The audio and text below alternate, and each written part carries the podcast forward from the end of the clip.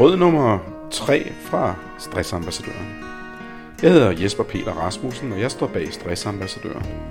Jeg har samlet i alt 16 vigtige råd omkring behandling og forebyggelse af stress, som jeg vil dele med dig, da jeg tror og håber på, at mine råd vil kunne gøre en forskel for mange mennesker og forhåbentlig for dig.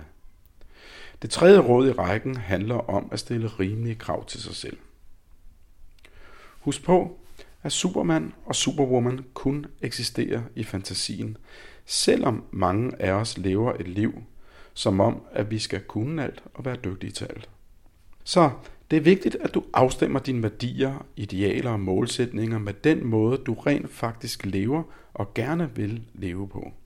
Vi har alle drømme og idealer for, hvordan vi gerne vil leve. Kunsten er indimellem at lave et realitetstjek og få korrigeret den virkelige dagligdag, vi lever i forhold til vores idealer og drømme.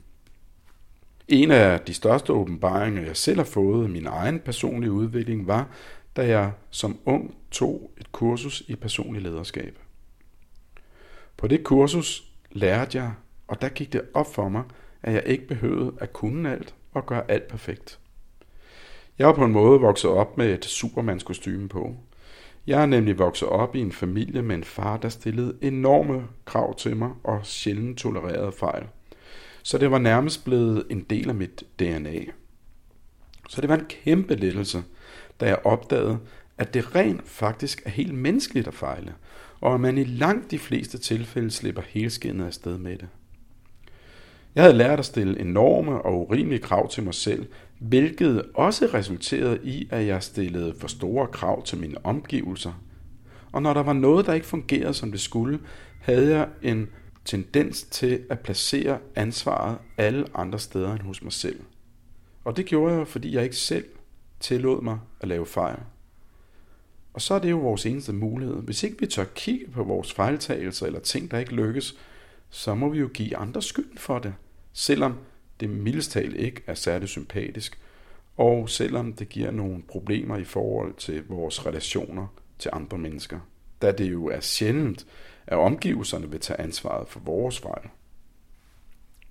Andre daglige stressproblematikker kan være manglende work-life balance, som plager rigtig mange mennesker. Jeg har mennesker i min omgangskreds, der gerne vil bruge energi på deres karriere, samtidig med, at de vil være gode forældre for deres børn, og de vil gerne have økonomi til at sende deres børn på privatskoler eller efterskoler. De vil også gerne realisere sig selv med maratonløb eller Ironman eller dagligt lave yoga eller meditere. Og samtidig stiller de store krav til sig selv om at have gode venskaber, være gode og nærværende kærester, gode elskere, leve sundt og spise sundt osv. osv. Og ja, det vil vi sikkert gerne alle sammen, men for mange mennesker er det netop i denne jungle af krav, at de bliver topstressede. Så prøv måske at overveje, om en af jer kan sætte karrieren på standby et par år, mens børnene er små og virkelig kræver jeres nærvær. Måske får du ikke lige realiseret dit fulde potentiale med dine karriereplaner, mens dine børn er små, og måske må du nøjes med motion med babyjoggeren i en periode. Men fordelen er, at vi er mere nærværende, har mere overskud, og jeg har endnu ikke mødt nogen mennesker, hvor det fik fatale konsekvenser for dem at stille karrieren et par år på standby ud af et langt arbejdsliv. Måske snarere tværtimod. Jeg har mødt mange mennesker, der ikke ville være det for uden, da det netop gav tid til refleksion og tid sammen med børnene. En tid, der aldrig kommer tilbage. Så ja, måske er det tid til, at du laver et realitetstjek på din hverdag, så du får kigget på, om du dels lever efter dine værdier, og om der er visse ambitioner i livet, som du med fordel kan skrue lidt på. Det kan selvfølgelig også gå den anden vej, nemlig at vi får stillet for få krav til os selv, eller at vi lever et uambitiøst liv, selvom vi faktisk gerne ville steppe lidt op.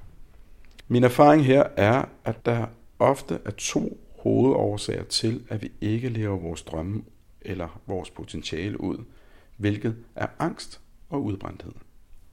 Jeg har mødt mange mennesker, der betragter sig selv eller andre som dogne, fordi de ikke kan mobilisere energi til at realisere forskellige mål eller livstrømme.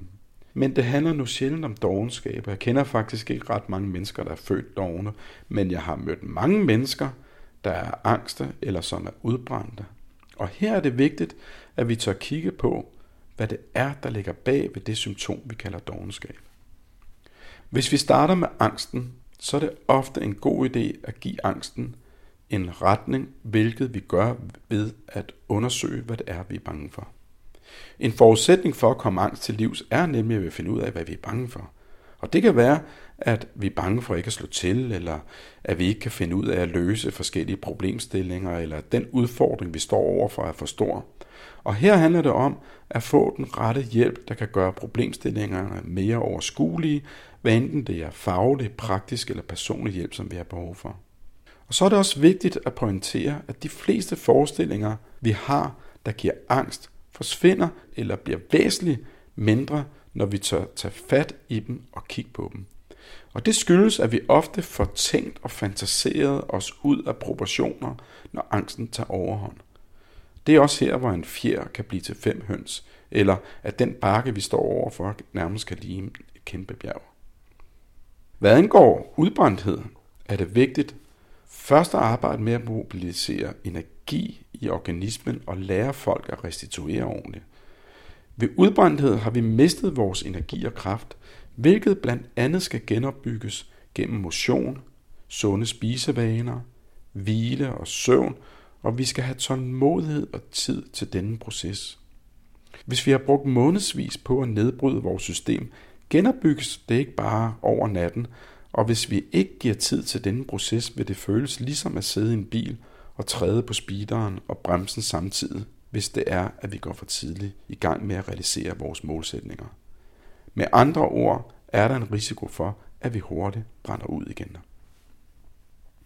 Dette tema samt fokus på stressbehandling og forebyggelse generelt er blot nogle af de temaer, vi arbejder med på vores online-kurser, hvor du kan blive stressfri på mindre end 10 uger, og som du kan læse mere om på stressart.dk.